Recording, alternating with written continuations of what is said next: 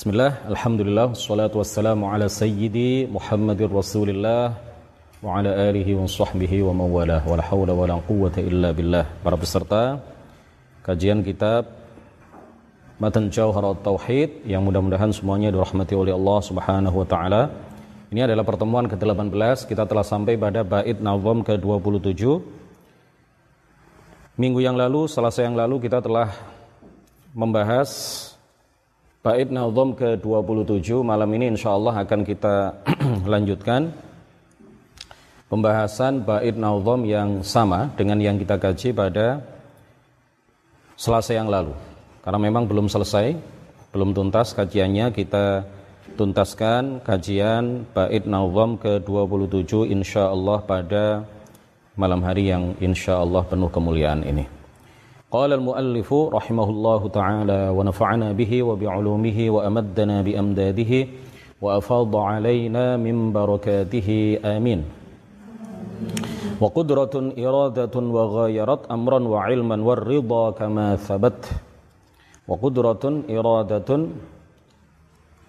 Sifat kudrah, sifat iradah ini sudah kita sampaikan penjelasannya pada selasa yang lalu. Wa ghayarat dan sifat iradah itu ghayarat menyelisihi. Ghayarat berbeda.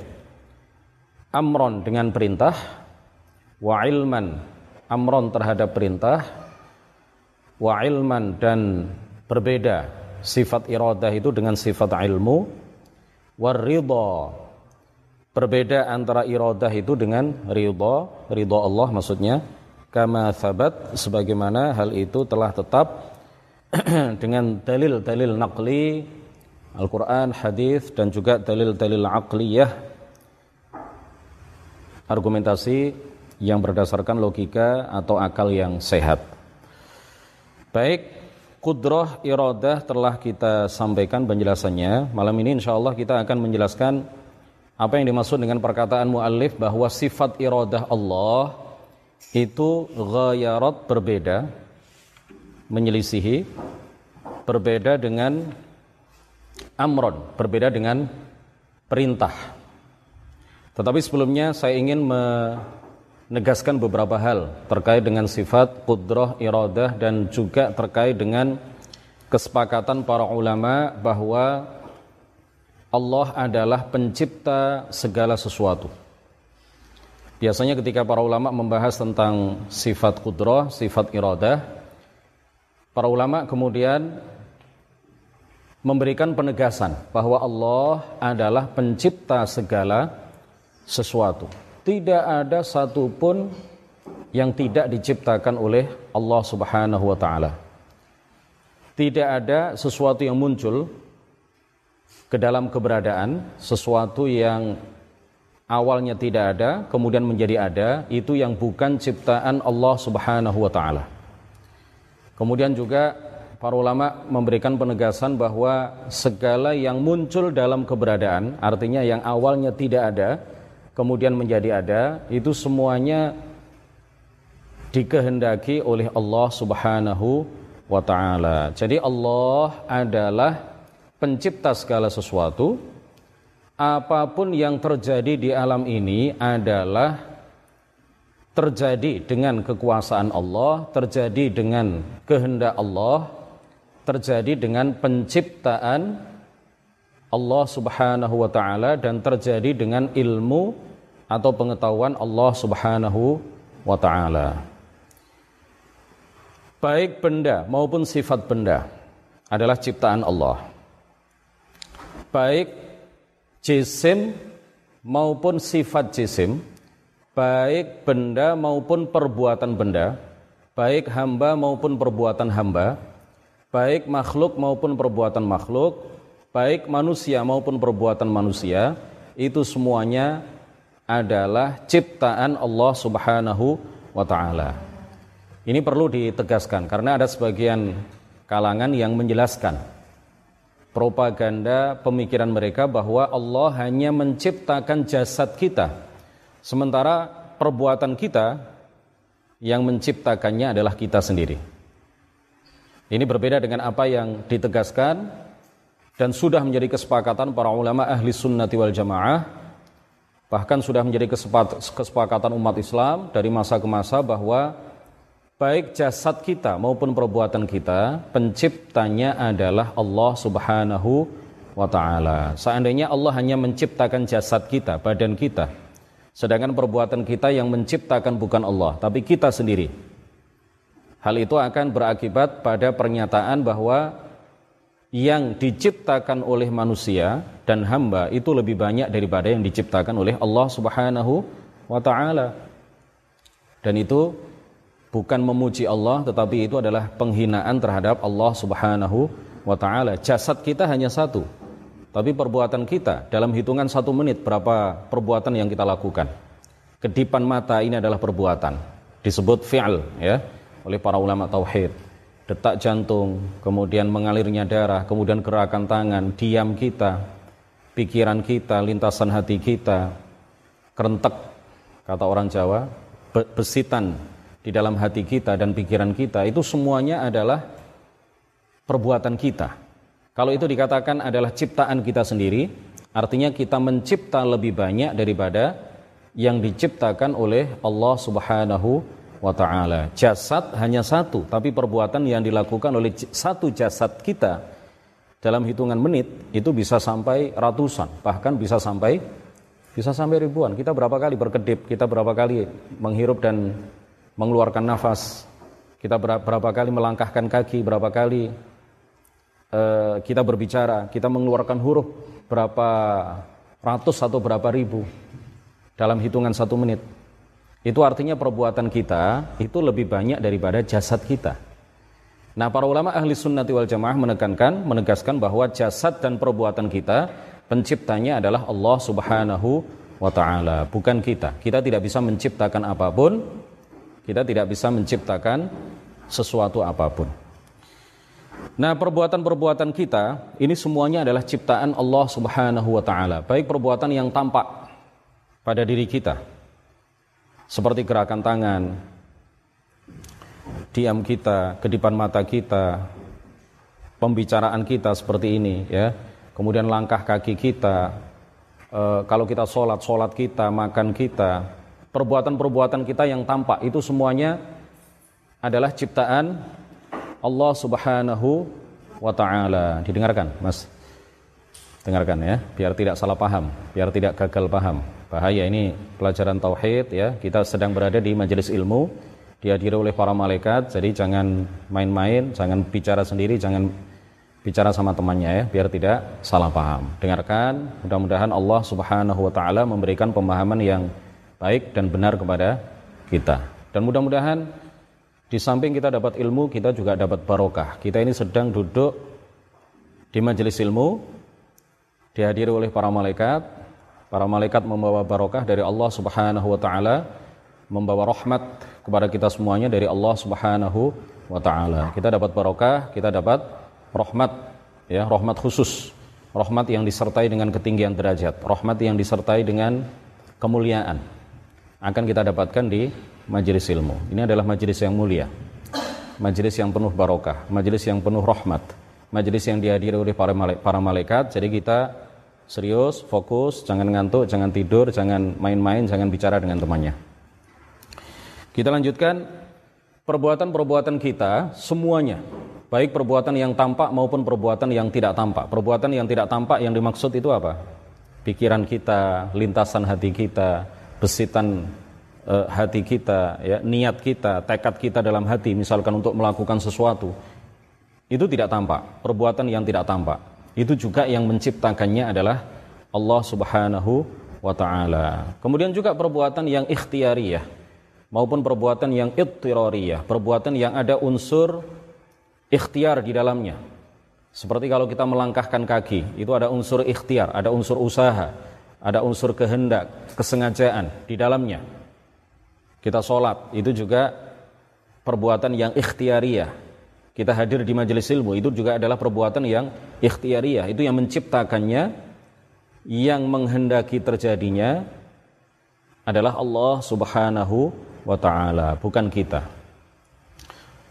Maupun perbuatan yang ittirariyah perbuatan yang tidak ada unsur ikhtiar di dalamnya, perbuatan yang tidak ada unsur kehendak di dalamnya, seperti detak jantung kita, seperti aliran darah yang mengalir di, seperti darah yang mengalir di tubuh kita. Itu disebut para ulama tauhid sebagai perbuatan yang ittiroriyah, perbuatan yang tidak ada unsur ikhtiar di dalamnya.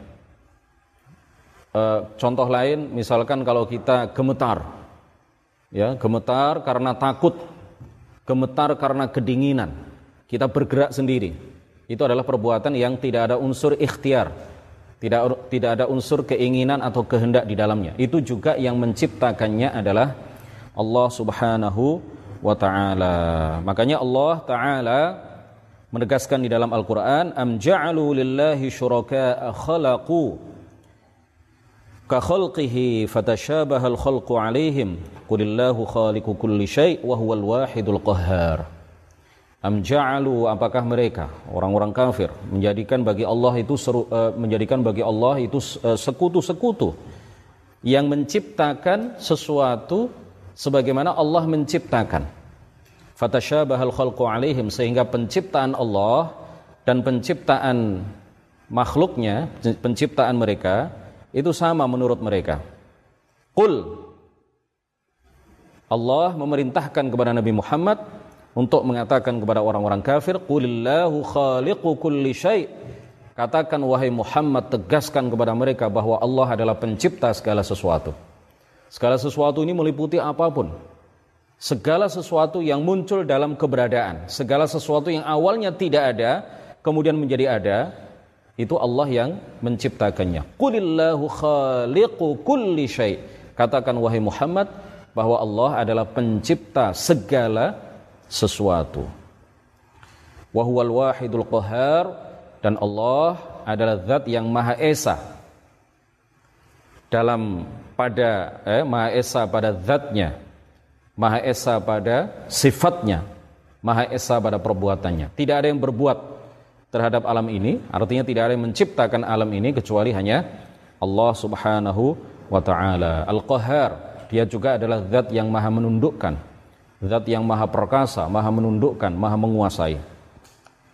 Di dalam ayat yang lain Allah taala menegaskan Wallahu khalaqakum wa ma ta'malun dan Allah lah yang telah menciptakan kalian dan menciptakan perbuatan kalian. Di dalam Ayat yang lain Allah bahkan menegaskan sampai perbuatan buruk manusia sekalipun itu yang menciptakannya dan sejatinya yang menghendakinya itu bukan makhluk ya. E, makhluk punya kehendak tetapi masih di bawah kehendak Allah Subhanahu wa taala. Jadi sampai pada perbuatan buruk sekalipun itu bukan makhluk yang menciptakannya tetapi Allah yang menciptakannya. Sebagaimana ditegaskan oleh Allah Subhanahu wa taala, "Qul a'udzu bi rabbil falaq min syarri ma khalaqa, min syarri ma khalaqa."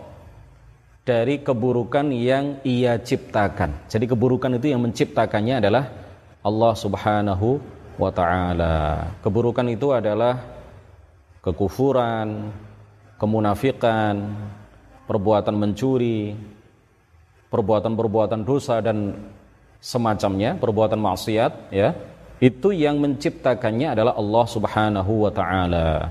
Min syarri ma khalaqa dari keburukan atau dari kejahatan yang ia ciptakan. Kita biasa dalam doa kunut berdoa, waqini syarra ma qadaita Jagalah aku ya Allah dari keburukan yang telah engkau tentukan dan ciptakan, yang telah engkau takdirkan, yang telah engkau kodokkan, yang telah engkau ciptakan.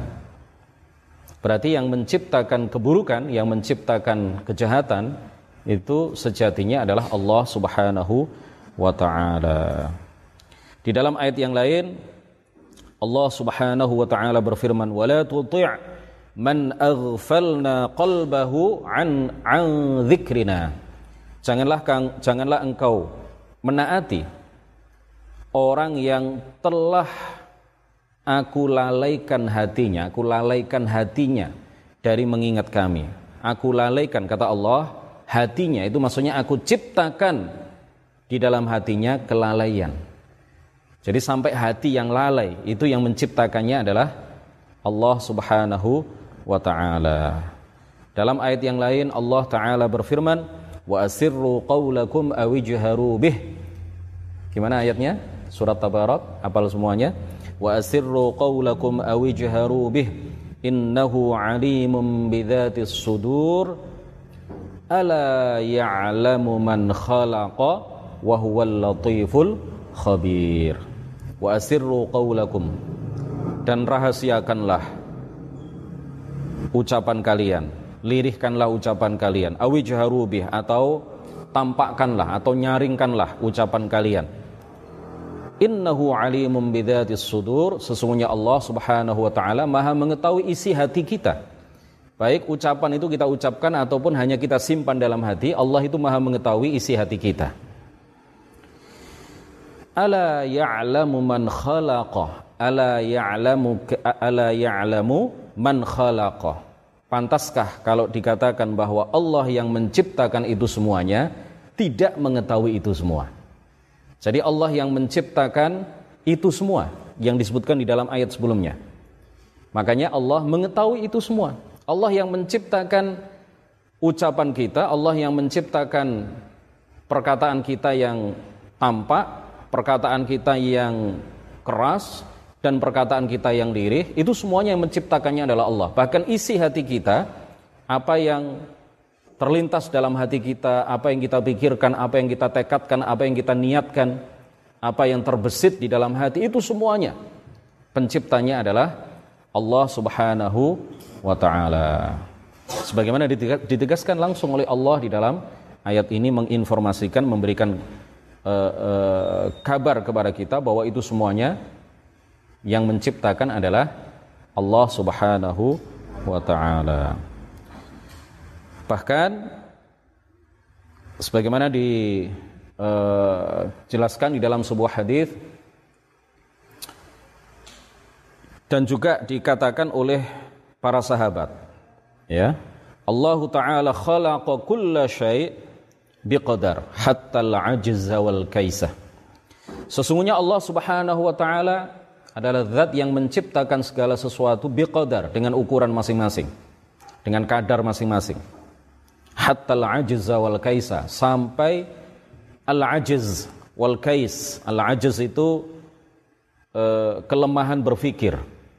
Yang dimaksud di sini al-kais itu artinya kecerdasan sampai kecerdasan seseorang itu penciptanya adalah Allah sampai ke apa lawannya cerdas itu apa? Eh? Sampai kelemahan berpikir seseorang ketika seseorang tidak cerdas, tidak cerdas, itu ketidakcerdasannya itu juga penciptanya, hakikatnya yang menciptakannya adalah Allah Subhanahu wa taala. Oleh karena itu wajib diyakini bahwa Segala sesuatu adalah ciptaan Allah Subhanahu wa taala. Kita hanya punya kasep. Kita hanya punya ikhtiar dan kehendak, tetapi ikhtiar kita tidak akan terlaksana, tidak akan terwujud kecuali apabila diciptakan dan dikehendaki oleh Allah Subhanahu wa taala.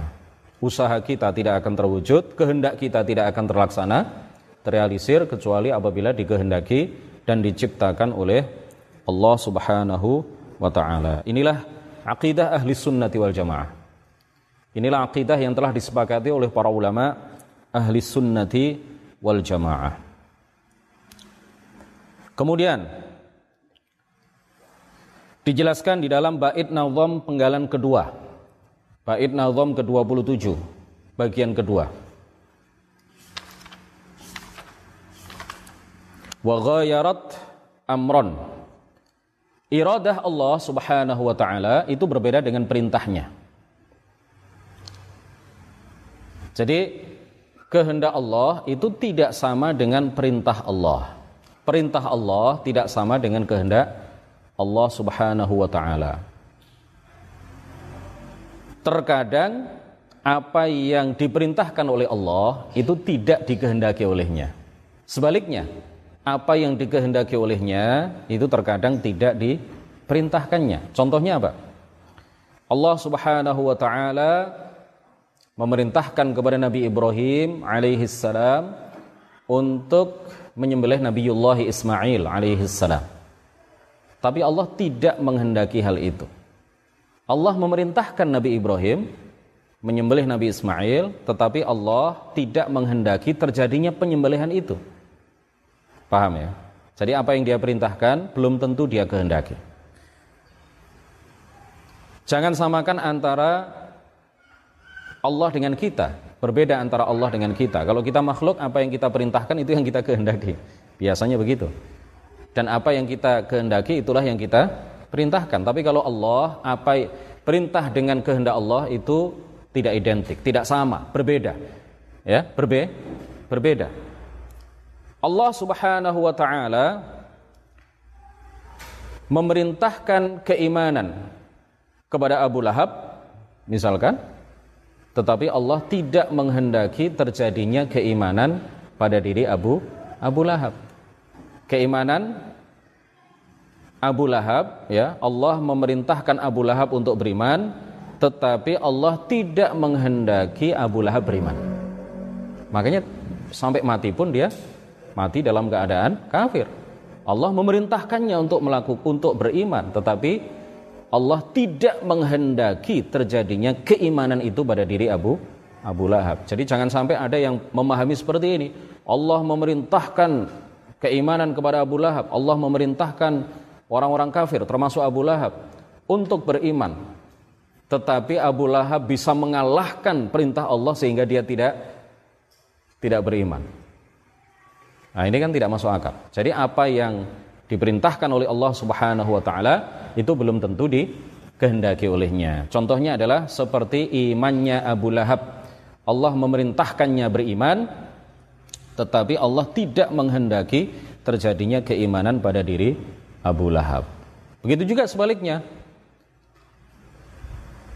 apa yang dikehendaki oleh Allah Subhanahu wa taala itu belum tentu diperintahkan olehnya. Contohnya seperti apa? Kufru Abu Lahab.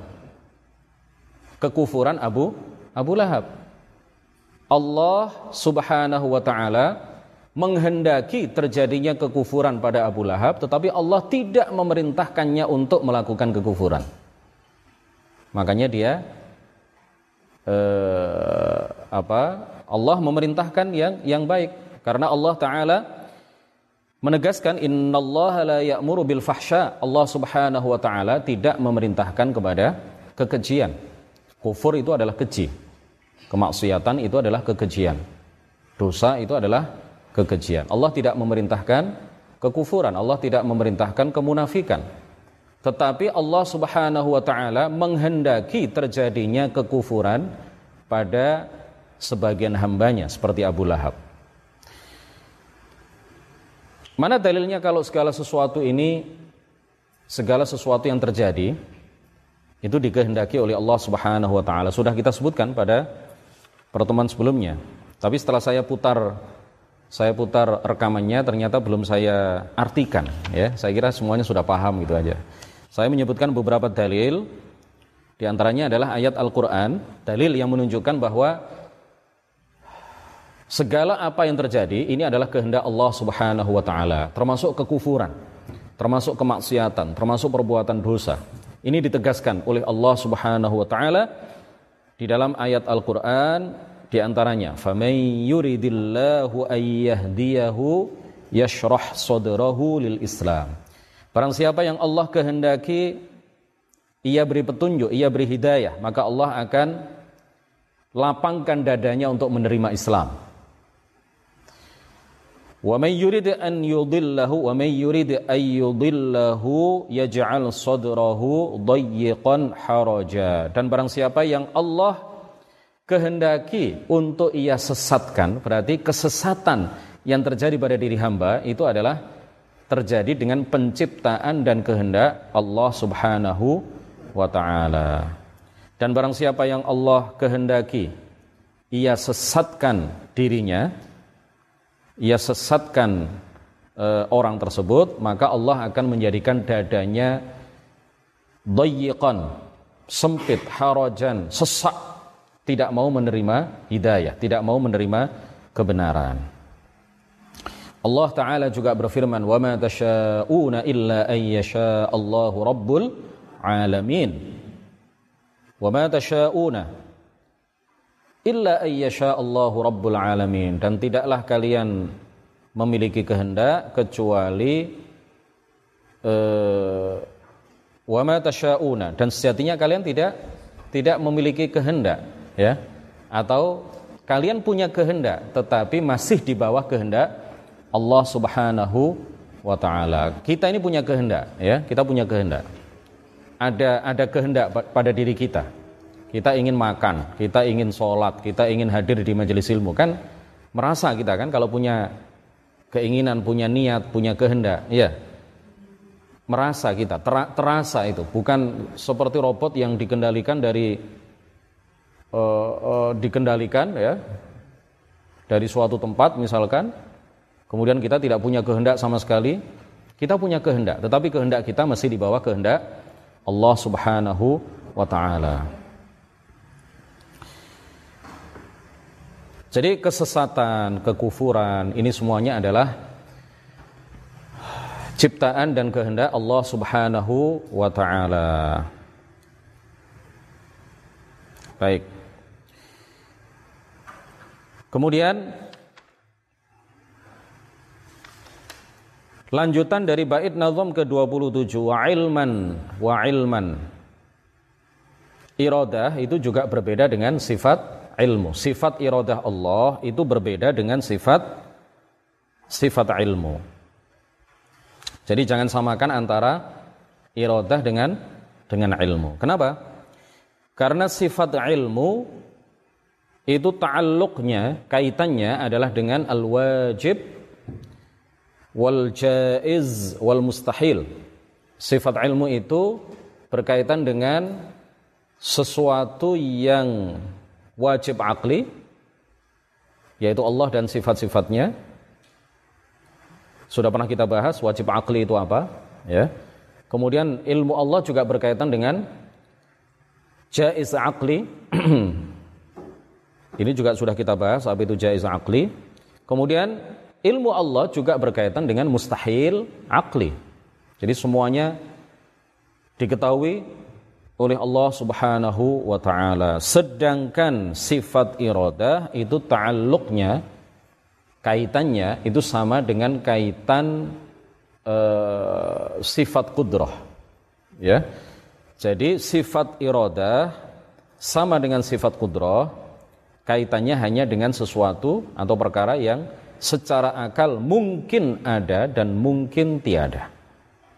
Tidak berkaitan dengan perkara yang tidak mungkin ada secara akal, mustahil akli. Tidak berkaitan dengan sesuatu yang pasti ada. Tidak mungkin tidak ada secara akal, yaitu Allah dan sifat sifatnya. Kenapa nazim penyusun nazam ini menyebutkan di dalam bait nazam ke-27 ini bahwa sifat iradah itu berbeda dengan sifat ilmu Allah Subhanahu wa taala.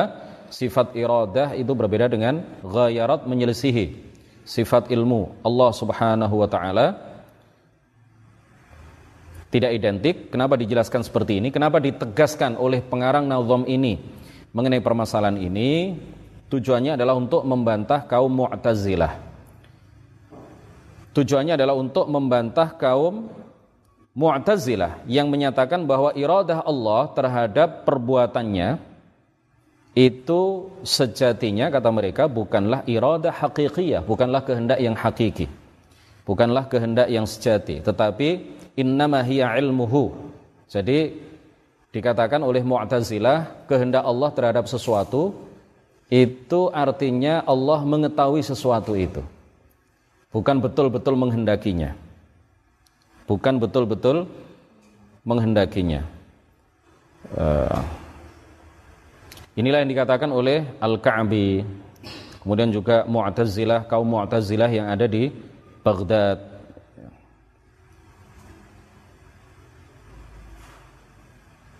Dan seterusnya. Ini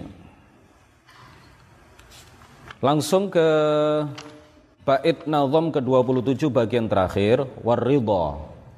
Waridha. Sifat iradah Allah Subhanahu wa taala itu juga berbeda dengan ridhonya. Apa yang ia kehendaki belum tentu dia ridhoi. Belum tentu dia ridhoi. Allah Subhanahu wa taala menghendaki terjadinya keburukan. Tetapi Allah tidak meridhoi keburukan. Wala yarda li'ibadihi kufr. Allah Subhanahu wa taala tidak meridhoi kekufuran bagi hamba-hambanya. Tetapi Allah menghendaki sebagian hambanya kufur, sesat, sebagaimana yang tadi sudah kita sampaikan dalam beberapa ayat Al-Quran yang difirmankan oleh Allah Subhanahu wa Ta'ala. Tetapi perlu ditegaskan bahwa ridha Allah, ya, ridha Allah, begitu juga murka Allah itu bukan infial, bukan merupakan luapan emosi atau luapan perasaan, tidak seperti ridho kita, tidak seperti kemarahan kita. Ridho Allah itu bukan dalam arti infial, bukan dalam arti luapan perasaan atau luapan emosi. Ya. Ridho kita itu adalah emosional, ya, luapan perasaan. Eh, ekspresi dari uh, senangnya kita, senang ya. Kalau kita senang itu kita kita luapkan dalam dalam bentuk-bentuk tertentu. Ridho Allah itu buak, bukan seperti itu, bukan infial, bukan apa ya kalau diterjemahkan infial ya emosi atau luapan perasaan. Ya. Kemudian ghadab Allah, murka Allah itu juga bukanlah infial, bukanlah luapan perasaan seperti kita. Allah Subhanahu wa taala menegaskan di dalam Al-Qur'an radhiyallahu anhum. Allah juga menegaskan ghadiba ghadib ghadiballahu alaihim. Jadi kita sifati Allah Subhanahu wa taala dengan sifat ridha. Kita sifati Allah Subhanahu wa taala dengan sifat ghadab, sifat murka. Tetapi sekali lagi ridha dan murka Allah itu bukan infial, bukan luapan emosi, bukan luapan perasaan seperti murka dan ridhonya manusia. Tidak sama dengan ridho dan murkanya manusia. Sebagian ulama ahli sunnati wal jamaah berpendapat bahwa murka dan uh, mahabbah serta ridhonya Allah Subhanahu wa taala ini sejatinya adalah kehendaknya. Jadi sama antara uh, uh, tadi pendapat yang pertama mengatakan ridhonya Allah itu berbeda dengan kehendak Allah. Apa yang dikehendaki Allah belum tentu diridhoi oleh Allah Subhanahu wa taala. Tetapi sebagian ulama ahli sunnati wal jamaah berpendapat bahwa ridho dan murkanya Allah ridho dan murkanya Allah itu kembali ke sifat iradah. Artinya jika Allah Subhanahu wa taala menghendaki pada diri hamba mendapatkan kenikmatan ya jika Allah Subhanahu wa taala menghendaki kebaikan pada diri seorang hamba ya maka itu artinya Allah meridhoinya. Jika Allah menghendaki uh, untuk mengazab uh, atau untuk tidak memberikan kenikmatan pada diri hamba ya itu artinya Allah menghendaki untuk mengazabnya, untuk memurkainya, untuk murka kepadanya. Jadi murka Allah dan ridha Allah ini menurut pendapat yang kedua adalah kembali ke sifat iradah. Kembali ke sifat iradah. Apabila Allah Subhanahu wa taala menghendaki untuk memberikan kenikmatan pada diri seseorang, berarti dia ridha kepadanya. Allah menghendaki kebaikan dan nikmat pada diri seseorang itu artinya Allah meridhoinya. Berarti ridho Allah itu kembali ke sifat iro, iroda, ke sifat maha berkehendaknya. Begitu juga murka Allah menurut pendapat yang kedua ini juga kembali ke sifat iroda. Artinya ke, uh, uh, apabila Allah Subhanahu wa taala menghendaki untuk menyiksa seseorang, tidak memberikan kenikmatan kepada seseorang, itu artinya Allah menghendaki uh, kemurkaan kepadanya. Allah menghendaki kemurkaan kepadanya. Demikian kajian kita pada malam hari yang insya Allah penuh keberkahan ini. Mudah-mudahan bisa kita lanjutkan pada minggu depan, Selasa depan. Kita akan melanjutkan pada pertemuan ke-19 hari Selasa depan untuk mengkaji bait nazam ke-28 dan seterusnya insya Allah. Subhanakallahumma wa bihamdik asyhadu an la ilaha illa anta astaghfiruka wa atubu ilaik. La ilaha illallah. Allahumma salli ala sayyidina Muhammad wa ala alihi wa sahbihi wa sallim. Rabbi ighfir li wa liwalidayya wa lil mu'minina wal mu'minat. Allahul muwaffiq ila